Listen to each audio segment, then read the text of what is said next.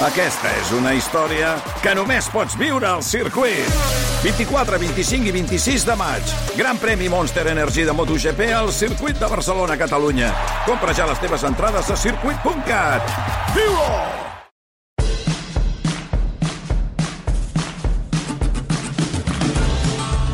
El convidat d'avui d'Islàndia el tinc en un estudi de ràdio ara mateix a Burjassot, al País Valencià. Abans de res, gràcies als companys de Punt Mèdia i sobretot al tècnic eh, José Navas, que s'encarregarà que tot soni perfecte. L'home que saludarem ara mateix va néixer a Utiel, al País Valencià, viu a Bunyol, i vosaltres pot ser que el conegueu per tres vies diferents. La primera és escriptor, potser heu llegit algun dels seus llibres, l'últim és autobiogràfic, es titula Adiós pequeño i comença amb aquesta frase – Mi madre hubiera sido más feliz si yo no hubiera nacido.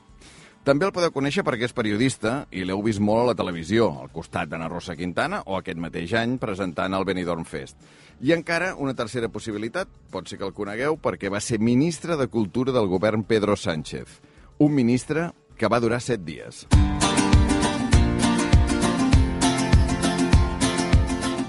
Màxim Huerta, bona tarda. Bona vesprada o tarda. Escolta'm una cosa, et sorprendrà que comenci per aquí, eh? però què t'ha passat aquest 2022? M'ha passat de tot, la veritat. Va començar...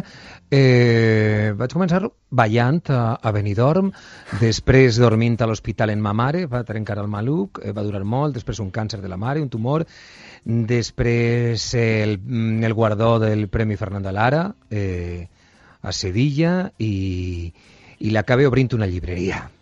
Déu-n'hi-do, eh? Ho has, moltes dit, coses, ho has dit eh? molt ràpid, però, però aquí hi ha moltes coses, eh? Sí, pujades. Beni, clar, ballant a Benidorm amb el Benidorm Fest, evidentment, però clar, tota la malaltia de la mare. Aquest premi, Fernando Lara, no?, pel llibre Adiós Pequeño, que és un llibre que t'he de dir que m'ha fet disfrutar molt aquests dies llegint-lo i que, Gràcies. que vas publicar fa mig any i que, escolta, m'està aguantant moltíssim. Molt i molt bé, eh? Està, és, un, és un llibre que no, no és de misteri, no és un thriller, no hi ha assassinats, la gent que mor, mor de, és mort natural, eh, que diríem, eh, però està el misteri de la vida, està el misteri d'una família que ha de eh, aguantar o sobreviure amb els secrets de la dins de casa, de com mantindre la vida eh, i aguantar una parella que millor no, no, no és la que tu volies tindre a casa, mm. ni el fill que tu volies tampoc. Clar, és un llibre... Bueno, suposo que t'ho ha dit molta gent, però és un llibre molt valent, expliques coses teves, coses del teu pare, coses de la teva mare, en fi, eh, actives molt tot el mecanisme aquest dels records. Tu ara tens una edat, no?, que acabes de passar dels, dels 50 anys. Tu diries que en aquest moment de la vida disfrutes més amb totes les coses noves que estàs vivint o amb tot el que revius a través del record i de l'escriptura? Eh, Jo estic molt a favor del record eh, i sobretot per això he escrit este llibre, que podria haver posat altres noms, no el de ma mare o mon pare, i seria una, una novel·la de ficció, però volia que eh, ser sincer, no? I que sigui un, un llibre més, més net de cara al lector. A mi m'agrada recordar perquè és l'única cosa que tenim, el passat. Futur no tenim ningú, eh, no existeix, però tenim passat. I jo crec que està molt bé recordar-ho i disfrutar. Les coses que no, no vols recordar, les deixes a banda, si pots, i, i mirar una foto antiga, eh, metafòricament, jo crec que està molt bé. Jo ara disfruto més de la vida perquè sóc una miqueta com la meva gossa, que és prota de la novel·la, eh, que mm, disfrute del, ma del mateix passeig cada dia d'una manera diferent. Uh -huh. M'he tornat més, més tranquil. Clar, és aquesta cosa que jo crec que, que el tornar-te tranquil o potser l'edat de les poques coses bones que deu tenir, no? De Segurament... les és- poques, eh? Perquè Sí. és pedre. L'edat és pedre. És pe pedre Sí, vista, sí, sí, sí. pedre amics, pedre llocs que ja no er- són de festa i és un banc.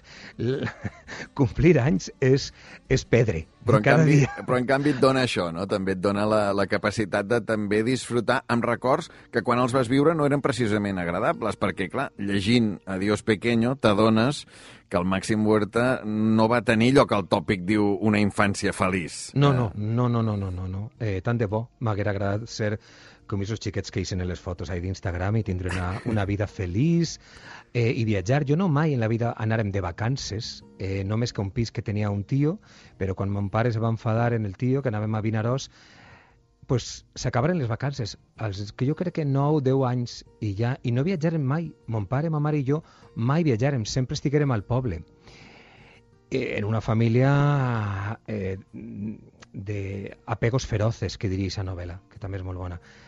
Que és un pare o una mare que són de mons diferents i un fill que no sap en, eh, en braços de qui quedar-se. Però és que, Clar, perdona, la primera frase del llibre, diguem, és que només agafar el llibre, allò que molta gent fa a la llibreria, no? Que vas sí. a la llibreria i dius, a veure, ja, deixem veure la portada, deixem veure la contraportada, a veure ja com comença aquest llibre, si m'agrada, obres-la, i dius, mira, Máxim Huerta comença escrivint, mi madre habría sido más feliz si yo no hubiera nacido.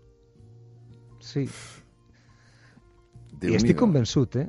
Tornaria a escriure això. Ma mare el dia que va escoltar la frase, perquè no pot llegir ara pel, mm, pel càncer a, que té, ha perdut la vista, eh, va dir, però si jo t'estime molt. I dic, ja, ja. Però tu i tantes dones d'una generació haurien sigut eh, més felices eh, d'una manera més lliure, triant a un home, deixant a un home, començant a viure, viatjant, estudiant, eh, obrint la cartilla de, del banc eh, de manera pròpia. Eh, I aquesta generació de dones invisibles, és com lo de l'Espanya deshabitada, pues l'Espanya invisible és la d'aquesta generació de dones que no pogueren triar el seu destí, ni estudiar, ni viatjar, i havien de callar a casa i aguantar. Clar, algunes dones amb, amb grandíssims talents que haurien pogut fer molta ma mare, cosa. Ma mare és una pintora estupenda, Uh -huh. eh, conversadora, lectora, ara, òbviament, no, però ella volia ser moltes coses. Molta gent no pregunta a sa mare què, què, què volia ser de, eh, fora gran. Pensem que és la nostra mare i ja està. Però jo sí que l'he preguntat, tu què volies ser si jo no haguera vingut? I ella volia ser... Havia, li agradava la vida, viatjar, ser professora, eh, pintar, cantar... Clar, però es Clar, va quedar és una generació apagada. de dones absolutament castrada. diguem-ne. Castrada, castrada. Clar, eh, la, la teva mare neix, em sembla, a finals dels anys 30, no? I es va quedar emprenyada de, del meu pare eh, després d'unes festes i clar, això al 1970 eh, és dur, no és fàcil. Està la por a la família, la por a les amigues, la por al poble, la por a, al que diran, eh, i toca continuar i entrar en una autopista desconeguda amb una persona desconeguda. Ara que deies això de què es volia dedicar la teva mare, recordo, no sé si tu també tindràs aquesta imatge, El Precio Justo, Joaquim Ah, sí? Prat, Ah, sí. que quan entrava una dona a concursar, deia, no sé, senyorita, el que sigui, no? I eh, Sí. diu, senyora o senyorita, era la primera Ah, pregunta. horror, horror, eh? si, si ella contestava eh, senyorita, la resposta de Joaquim Prat era, será Ah. porque usted quiere. Horrible. Si ella contestava senyora, atenció, si deia senyora, que per tant volia dir que estava casada, Sí. la resposta de Joaquim Prat era ¿Y su marido a qué se dedica? Uf. Això és un ganivet, eh? eh Que sí, sí, però Sencer, és, és eh? És això, dur, eh? eh? Això és principis dels anys 80, principis dels és anys 80 és encara no, anava és- així, eh? És que no és eh, al 1800. Sí, sí, es sí. fa quatre dies. Sí, sí, hem crescut Però amb això, El, i, si el pitjor és que no se n'adonàvem en aquest moment. Tu ara m'ho dius i jo em tremolo en esta cadira. Eh, però en aquest moment eh, era normal. I la paraula normal és també terrible. Sí, esa- sí, sí. L'acceptaven d'una manera, mm, no sé, com si veus aigua. Um, clar, el teu pare és mort, la teva mare està malalta, cap dels dos no ha pogut llegir aquest llibre, on No. ells són tan protagonistes. Uh, què hauria dit el teu pare si hagués llegit el, aquest llibre? És que a mon pare no li agradava llegir, només volia saber històries de maquis. Eh, mon pare era un camioner, abans eh, llaurador, eh, el raïm d'Utí, el Requena, però a ell no li agradava llegir. Els, eh, va morir quan jo havia escrit ja set llibres, però no mai va llegir un llibre. Eh, mirava la dedicatòria i ja està. Mm, I mai es va interessar pel que escrivies? no, no, no mai, no mai. Jo sé que estaria orgullós de mi, però mm, també és d'aquesta generació de, de pares, d'hòmens, d'hòmens Sí, sí. que no, que no saben dir-te Que no clar, clar. que, que és a casa hem de tindre respecte pel pare que tenies por, no tenies respecte, el que tenies era una por terrible, quan obries, quan obria Mhm. la porta eh, era com si entrara, no sé, eh, Putin a, a un consell. Eh, era dur, fins i tot era dur escoltar les claus. I no mai em va dir que li agradava ni, ni el que feia el periodisme, ni, ni els llibres, ni... No, no. Que fort, Segurament això, eh, ara- estaria orgullós, eh, però no ho sé. No Perdona, eh, Màxim, però és que hi ha gent que deu haver quedat ara de pedra quan fas aquesta comparació del teu pare amb Putin, diguem, però és que llegint el llibre del Màxim Huerta, aquest Adiós Pequeño, hi ha molts moments que et quedes de pedra, diguem, no? Perquè, perquè no només rebusques en els llocs agradables de rebuscar, sinó que precisament jo crec que fas tot l'esforç contrari, no? De dir, hòstia, anem a, anem a veure ja exactament què, què Sí. era el, el que passava en el cas del pare, claríssim, no? Aquest pare absent que tu descrius, un pare que li agrada més estar als bars que no pas estar a casa, no? que fins i tot la cervesa, quan se la veu a casa, diu sí, bueno, molt bé, però... Però al bar millor. Al bar millor, no? Sí, i que anàvem al bingo i esperàvem ma mare i jo fins a la una de la, de la matinada a la porta, en els sillons isos d'escai que n'hi havia a l'entrada, fins que llicia, i tornàvem a casa, i que a mi em passejava per l'avinguda de l'Oest, que és una avinguda de València que ara està molt bé, però abans era de travestis i putes, i, i jo anava... I mon pare em portava a veure-les com, com qui t'aporta el so, a veure un espectacle eh, per a ell era una cosa quotidiana. I jo mm, ho vivia d'una manera dura, però ha sigut conscient ara de, de com vivia aquest xiquet, com era el maxi de, del poble i, i què era el que estava vivint i que no era normal allò. Tu eres fill únic, una altra imatge Sí. també interessant del llibre, un fill únic que dormia en unes lliteres, no? Sí. I que llavors, eh, clar, dius, eh, què passa, que havia de venir un altre germà i no arribava mai? O tu co- com ho vivies, allò de dir, hòstia, no hi ha ningú més aquí, però hi han dos llits en aquesta habitació? Sí, sempre esperant algú que no va vindre. Mm, jo jo m'he passat la vida esperant un germà, sempre, però no arribava el germà, eh, segurament perquè no volia ningú que arribara a casa, però n'hi havia una litera. A vegades estava al costat, a vegades la posaven dalt del meu llit, que m'agradava més perquè era una manera d'amagar-te eh, i, i d'estar ahí protegit. I esperava, i es va convertir en el lloc on posava al final la motxilla del col·le i, i ja està, i no va arribar ningú. I jo, vas, jo he viscut en un germà, d'això que diuen tens un amic invisible, no? Jo he tingut un germà invisible. Sí, ara, per Nadal, no? Fer l'amic invisible, doncs els, els regals us el fèieu amb el germà invisible que no existia. A vegades parlava, no, no és que parlava, no, però pensava que estava a dalt i que teníem xerrades de nit. I Que què fort. passaria, sí. Et preguntava això, què hauria dit el teu pare si hagués llegit aquest llibre, ja m'has contestat. Eh, què hauria dit la teva mare, o què diria la teva mare si ara pogués llegir i llegís aquest llibre, perquè per bé que en deu haver llegit d'altres teus, aquest és L'he especial. explicat, eh? L'he explicat de què va el llibre, eh, sí l'he explicat, però eh, l'altre dia estava al poble i a Utiel i la, i la llibrera diu, ai, ta mare què dirà? I va vendre la fornera, la reme, la de tota la vida, i diu, mira, jo l'he llegit i t'has quedat curt. I dic, ta mare pensarà igual, que t'has quedat curt.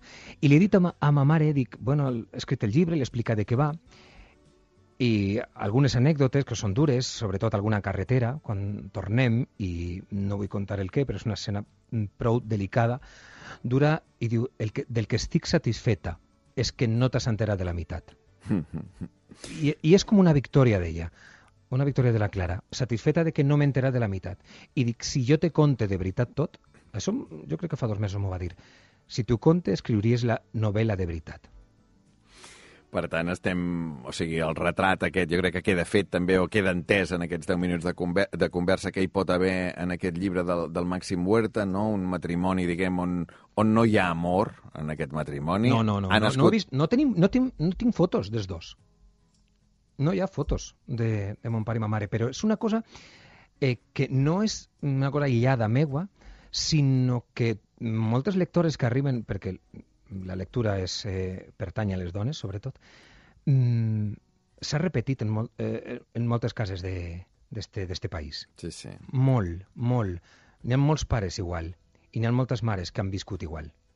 Deies això, no? Un matrimoni on no hi ha amor, neix aquest fill, aquest fill únic, que és el Màxim Huerta, que es converteix en periodista, en escriptor, i que parles d'una relació molt, amb la teva mare, una relació molt intensa, Sí. una relació preciosa, però fins a un punt que potser eh, massa possessiva o massa, o massa tancada, tu i la teva mare, és el que, el que ens vols dir també o no?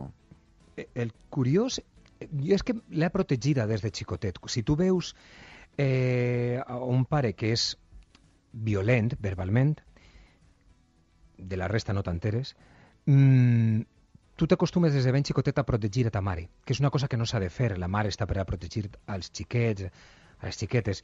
Però a mi me va passar al contrari i, i ha passat. I, I et fas gran abans de, de que arribi el moment. Mm. I, I te quedes a casa perquè tens por de que passi alguna cosa. I no te'n vas de viatge perquè, perquè tens por.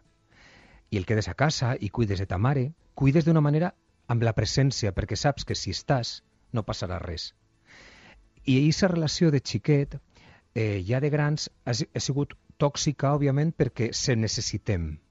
Però no som amics, és mare i fill, però no so, ni li conte tota d'ella ni ella me conta tot. De fet, és un llibre, a Dios Pequeño, en ha molts silencis, en què es queda la conversa tallada, perquè ma mare no vol arribar. Això li pertany a ella, mm. i és el seu patrimoni. I ma mare i jo, tot i tindre a vegades que jo veig, i és, i és tòxic perquè és excessiva la... Eh, no sé com ho diria, la relació no? entre els dos, no, és, no tenim la confiança d'amics. És una mare i un fill, amb les distàncies eh, clàssiques. Uh, a veure, aquí la pregunta, Màxim Huerta, és si has seguit el consell que més t'ha repetit la teva ah. mare tota la vida, que és hazte la vida fàcil. Tu t'has fet la vida fàcil? Uh, per alguns episodis de la meva vida, no. Eh, no òbviament.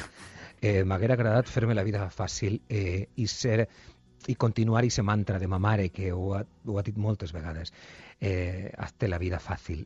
I crec que ara és quan he començat, ara, tard, eh? Jo crec que a partir dels 40 pico ja, eh? Mm -hmm. Quan he començat a fer-me la vida més fàcil, a, a dir que no, quan no vull que alguna cosa, a no acceptar, a, a, no sé, mm, mm, qualsevol cosa. Tu quina diries I que és la, la, la teva gran edat, Màxim? Perquè si la, la infància no és uh, no va ser tot l'agradable no, no, que no, pot no, ser. Res, res, res, Quina és la teva gran edat? Mira, als 30, dels 30 als 40 m'ho vaig passar molt bé perquè vaig fer eh, l'adolescència, la joventut, ho vaig fer tot de colp.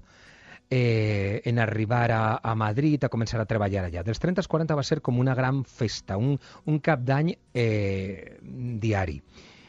I ara, eh, que és diferent, eh, n'hi ha una dècada així més complicada, més dura, que són els 40, i els 50 han començat eh, bé, tot i les circumstàncies de tindre que estar cada, cada dia a l'hospital, a, a la FEA, a Oncologia o, o, o a l'altre hospital, eh, a tot. És que ja sóc amiques dels metges.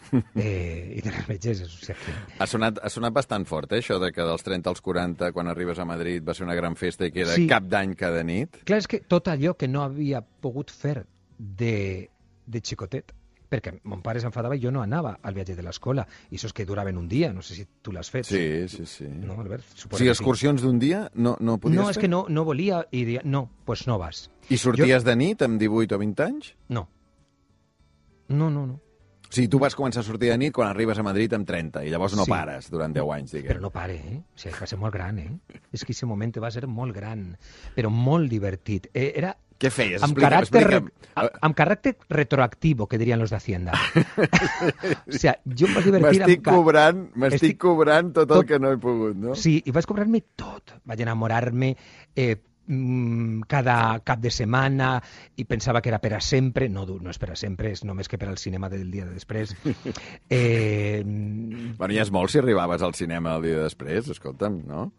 Eh, bueno, tots no sab... Mm, hem passat alguna nit que no sabem el nom. Va, qui està perfecte, costat, perfecte. No? I, però, però està molt bé, i a més és, està mm. molt bé. I, i em vas divertir moltíssim, vaig viatjar molt, eh, la colla d'amics era boníssima, han quedat els que han quedat, com sempre a la vida, eh, però va ser, mira, és l'època més divertida la més divertida. Que bé, dels 30 als 40 queda el llibre pendent també d'aquesta etapa, eh? Sí, no? no sé, a la millor Issa Eh, o jo què sé, no ho sé, no? És que no sé dir ja què és el que faré en el futur, no ho sé. Escolta, uh, a mi em passa una cosa... Um, jo vaig fer la mili. Tu l'has fet, la mili? No, no, no l'he fet Va. perquè tenia asma. Val, doncs, uh, tot això que et vas, que et vas lliurar. Sí, perquè... A mi, um, jo la vaig fer un any, però em sembla tan irreal que tinc la sensació de no haver-la fet mai. O sigui, quan hi penso ara, fa, fa més de 30 anys, penso, uh -huh. jo vaig fer la mili, no? Tu vas ser ministre de Cultura i Esports sí. del govern de Pedro Sánchez durant set dies. Has oblidat que vas ser ministre? No. Eh, no, perquè m'ho recorda tothom. Però, i això és complicat, però jo crec que em recordaran a mi més que alguns que, eh, que han estat. Algú parla d'Iceta? Ningú parla d'Iceta. Eh, tampoc. A mi em recriminaven que, que no feia esport. Que, tampoc Iceta runner, eh? O sea, que no és que... I jo ho recorde, no cada dia... Mira, avui he agafat una foto que és, mm, és molt curiosa perquè és un selfie en un, en un quadre de Moncloa que jo vaig disparar en el mòbil abans d'entrar a dir a Pedro que me n'anava. I tinc aquesta foto i estava guardada i avui, avui, avui mateix ha aparegut. És una foto blava en un quadre que suposa que estarà allí, no tornat ni crec que torne, a, a l'entrada del despatx de Pedro i de qualsevol president de, de, de la democràcia. I és blava eh, com la mar, que relaxa molt, jo m'agrada molt la mar, i és mirant un quadre eh, i a mi se'm veu ja difuminat. Se notava que jo estava ja difuminant-me. Que fort, un selfie, aquest selfie just abans de, de dir-li que sí, ho deixaves. si vols te l'envien. Ja, sí. sí, home, sí, sí, la veritat és que m'agradaria. Uh, clar, parlàvem abans de dir que sí o dir que no, de la maduresa que, que t'ensenya què Sí. has d'acceptar i què no. Sí. Vols dir que ara diries que no a l'oferta de ser ministre de Cultura? O, ara, en les conseqüències que ha tingut, sí, no, no, no acceptaria eh, aquesta empresa. No, no acceptaria. Però no he perdut la il·lusió del que volia fer. Jo, no, jo quan agafo, eh, no sé, eh, un viatge que hem de fer entre amics, m'agrada eh, posar tota la il·lusió. Quan estic ara eh, en la llibreria que estic obrint, pose tota la il·lusió del món. Mm, I en el Ministeri vaig posar tota eh, tot el meu taranà que tinc, eh, també en isa, eh, en isos dies abans que jo ja ho, ho sabia jo només i no contava a ningú. I jo ja buscava les lleis franceses que es, estan millor en cultura que les nostres i ja ho tenia tot estudiat. O sigui que la il·lusió eh, continua avui, tal com aquell dia, com aquell eh, 6-7 de juny del 18. Qui t'ofereix al Ministeri? O sigui, tu dius que sí a l'acte? Sí, perquè és que un dia que no penjava fins que no contestara. Jo estava desdejunant en una pastisseria en una amiga perquè me n'anava a la Fira del Llibre de Madrid i estava en Virgínia allí esperant i, i jo el vaig felicitar. Eh, me telefona i un número desconegut que no havia agafat ja dos perquè jo no m'agrada agafar números desconeguts i no l'havia agafat jo el dia anterior tampoc. Eh? I era ell i era per a oferir. Eh, però jo el vaig felicitar, dic enhorabona per la moció de censura, tal qual, eh, endavant, eh, jo que sé que m'anava... Però tu no coneixies ja personalment a Pedro Sánchez? De do, dos, mm, dos vegades, Mhm. dos vegades. És res. Bueno, la premsa posava que jo me n'anava de copes en ell, en Válgame Dios, un lloc de Madrid, que sí que vaig, però no en ell. Una vegada, una vegada, vaig coincidir en, en 200 persones. Mm. o sigui, no era jo un convidat. I després, una vegada, en un amic que és advocat, en la Gran Via, que vaig pujar i li vaig firmar un llibre que volia per la seva dona. Ja està. La premsa va dir que érem amics i que anàvem a estirs pu- puestos de, de, de festa, però no, no, ni el conec. Eh, aleshores, ni ara. Per tant, t'arriba la proposta, tu dius que sí a l'acte, Sí. i què va passar? Per Bueno, a va- l'acte. A l'acte, no? Sí, sí. Eh, en el mateix moment perquè no... Què podia passar? Que es perguera el còdice calixtino, aquell? Eh, què pot passar? Les coses que pots fer a cultura totes són bones. No me passava ni ese minut, dos, tres, quatre de conversa, no se me passava pel cap res roïn. Només que, ostras, ley de mecenazgo, ostras, eh, obras del Prado, repartirlas por España, ostras, eh, cambiar, bueno, etcétera, etcétera.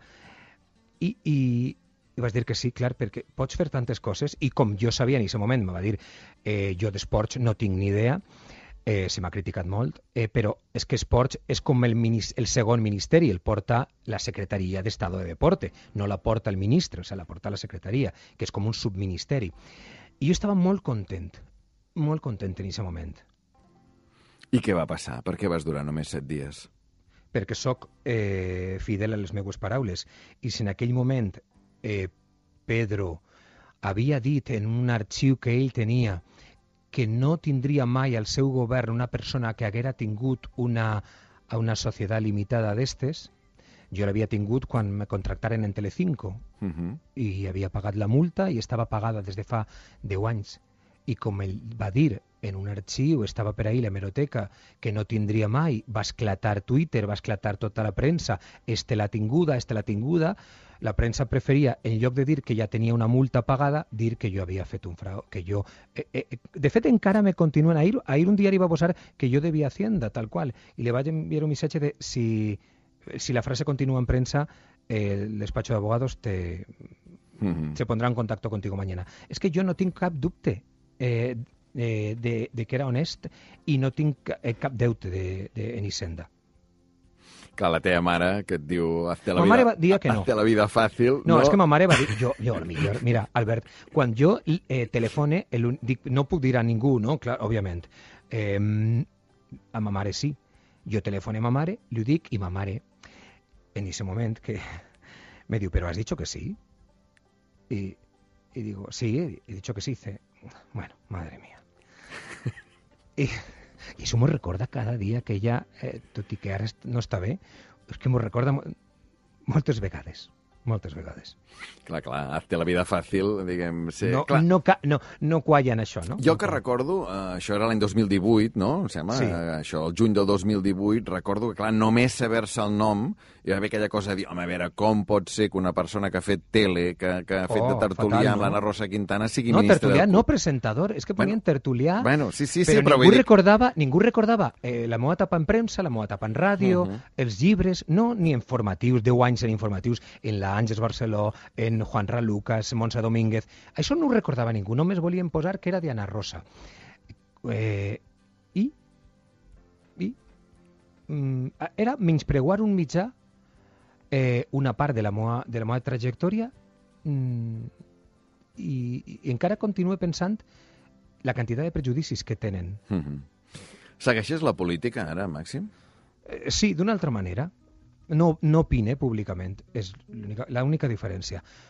Mm, no opine. De fet, ahir tornava en, en el AVE des de Madrid amb eh, Joan Baldoví i, i comentaven coses de d'ascensor. oh, del llibre, què tal va el llibre? Va molt bé, no? Eh, va, i dic, sí, sí, Joan, tal qual. Però ni li pregunte que es, va, que es presentarà a la Generalitat, ni li pregunte res, no, no vull que entrar. M'han fet ambaixadors dels productes valencians del Nadal, és valencià, tot això, jo, però jo no parle de política, no però t'has- Públicament no. O sigui, t'has carmentat, és a dir, ara et tornen a proposar ser ministre i què dius? Pues depèn del president. O sigui, potser tornaries a acceptar. No, és que no me l'oferiran. Això és una forma de respondre. Però no és... Ningú pensarà en mi com a, com a eh, ministre, eh, òbviament. Eh, no, és que no entra. Però en la hipotètica jugada jo continuo amb la mateixa... Eh, el mateix orgull, il·lusió que aquell dia. Mhm. T'ha perjudicat o t'ha o t'ha beneficiat? No, m'ha Eh, perjudicat perquè he gastat moltíssim en psicòlegs. Eh, m'ha perjudicat econòmicament, eh, mm, psicològicament, l'autoestima se'n va anar a la merda. Eh, jo pensava que no mai vindria ningú a, a, una, a un Sant Jordi, que no mai vindria ningú a, a, a buscar-me per a un treball, però era cosa meua, no era des de fora. Mm, era cosa meua. L'autoestima se'n va anar eh, com una riguà, tota, tota, tota. Jo havien dit que era roïn, que no servia, i jo pensava que tenien raó. I, i així funcionava. I, va, I ha durat molt. Me molesta molt quan la gent diu «Ai, ¿y por qué has alargado tanto esto? ¿Y por qué, qué más da? Total, si ya pasó». És que cada persona viu el dol d'una manera i cada persona eh, té una fortalesa. Jo no tinc tanta psicològicament com per a eh, aguantar i ser i sa fúria. No, no tinc tanta fortalesa, no. I, i a mi m'ha durat molt i, i he estat en psicòleg i continué visitant a, a, a la Pepa. M'imagino que, clar, que et donguessin aquest any el Premi de Novel·la Fernando Lara per, per aquest llibre, un llibre, a més a més, tan personal, suposo que això sí que devia ser una injecció d'autoestima, no? És a dir, el llibre és el que t'ha fet recuperar, t'ha fet eh, recuperar de l'hòstia del ministre? El carrer, no? el carrer. No, no, no eh, el llibre eh, em dona, em regala eh, l'autoestima literària, que és una... Mm, que és complicada eh, tindre-la eh, i és complicat quan, quan eres periodista, però bueno, té igual. Si eres periodista de la SER no passa res, però si eres periodista d'altres mitjans és més complicat. I jo sóc lector i escriptor i, i, i continuo endavant. A mi en, quan vaig notar que al carrer no passava res, que tot estava... que ja havia acabat el capítol, per a la gent ja havia passat, que tota la fumera ja s'havia anat, que només quedava en mi. Eh, eh, aleshores, quan en la primera firma de llibres vaig notar que estava la, la mateixa gent i més, i més gent. I cada poble, cada ciutat, cada teatre ple. I, i ahir vaig recuperar. Els lectors i les lectores són les que m'han donat eh, la fortalesa per a continuar.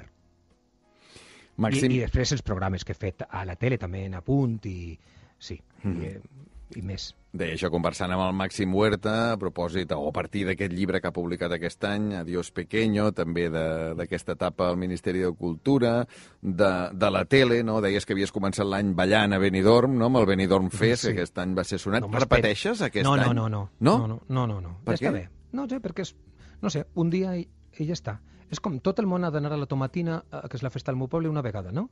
Ja està, està molt bé. Ah, jo ja he fet el Benidorm Fest i punt. Eh, crec que era arriscat dir que sí, perquè això podia ser el més caspós del món. No ho va ser, eh, sobretot pel nivell de Raiden, Rigoberta, tota la gent que n'hi havia, estava molt bé, i... però ara ja no, ara ja no. Ho vas disfrutar? Sí, sí, sí. Soc amic de l'Alaska i la Inés és una tia estupenda i, i el realitzador, mm, director, boníssim, si ho vaig passar molt bé. Molt bé. I a més és el meu aniversari, eh, venia molt bé com a festa. Tu eres de Chanel, de Tanxugueires o de Rigoberta? Uh, què vols? Un conflicte? Home, no, ja ha prescrit el conflicte. escolta. Ha prescrit ja, no? Ha prescrit. pues, sí, sí. mm, m'agradava Barri Brava. Ah! Mira, potser sí que encara et- et oferiran un ministeri, eh? Perquè trobo que tens la manera de sortir-te'n.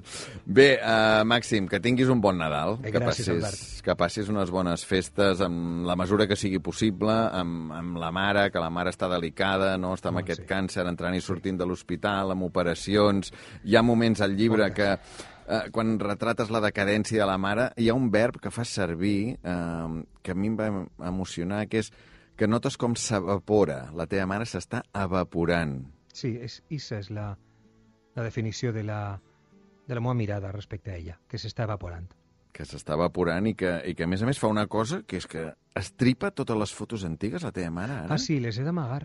Jo he d'amagar totes les fotos perquè foto que troba, que es, normalment se guarden en els llibres, ara estan totes al mòbil, però abans se quedaven en un llibre, en un caixó, no? en qualsevol lloc de casa. Foto que veu, foto que trenca. I jo a vegades m'ha vist agafant els trossos i composant-la de nou. Màxim, el dia Nadal, ja el tens clar? On dines? Què faràs? O el 24 a la nit? La, sí, la meva parella, ma mare i jo, els tres. Els tres. Bueno, i Doña Leo. Home, perdona, el, Doña Leo, és que és l'ama eh, clar, corral. És la gossa de Màxim Huerta, que, en- bueno, en fi, que el llibre és grandíssima protagonista i que, Sí, és més, un platero, és com ma- Sí, juga sí. la figura de platero. Però és que aquest senyor ara obre un llibre a Bunyol, al seu poble, eh, obre una llibreria, perdona, al, al seu poble, i es dirà la libreria de Doña Leo. Sí, és, sí. Eh, és una il·lusió, és, una, és arriscat, per a mi les coses arriscades, com has vist, eh, tiren endavant. Hazte la vida fàcil, Gràcies. Màxim, hazte la vida fàcil. Una abraçada, que tinguis bones festes, Gràcies, de veritat. bones festes Gràcies. Doncs ho deixem aquí per avui. Fantàstica conversa que ens ha regalat el Màxim Huerta. Si la voleu recuperar, com totes les que sonen a Islàndia, podeu anar al nostre web, recu.cat. Avui, a Islàndia, tallant el bacallà, Joan Ferrus al control tècnic, Eva Catalán, Mireia Ardèvol, Marc Ferragut, Maria Xinxó i Albert Tom. Una pausa i de seguida arriba l'Anna Ballonesta amb el 9C. Nosaltres tornem demà. Al matí ens podeu veure i ens podeu escoltar des del Palau de la Música. És Nadal al món i demà a la tarda a les 7, com sempre, com cada dia. Que vagi bé, bona nit.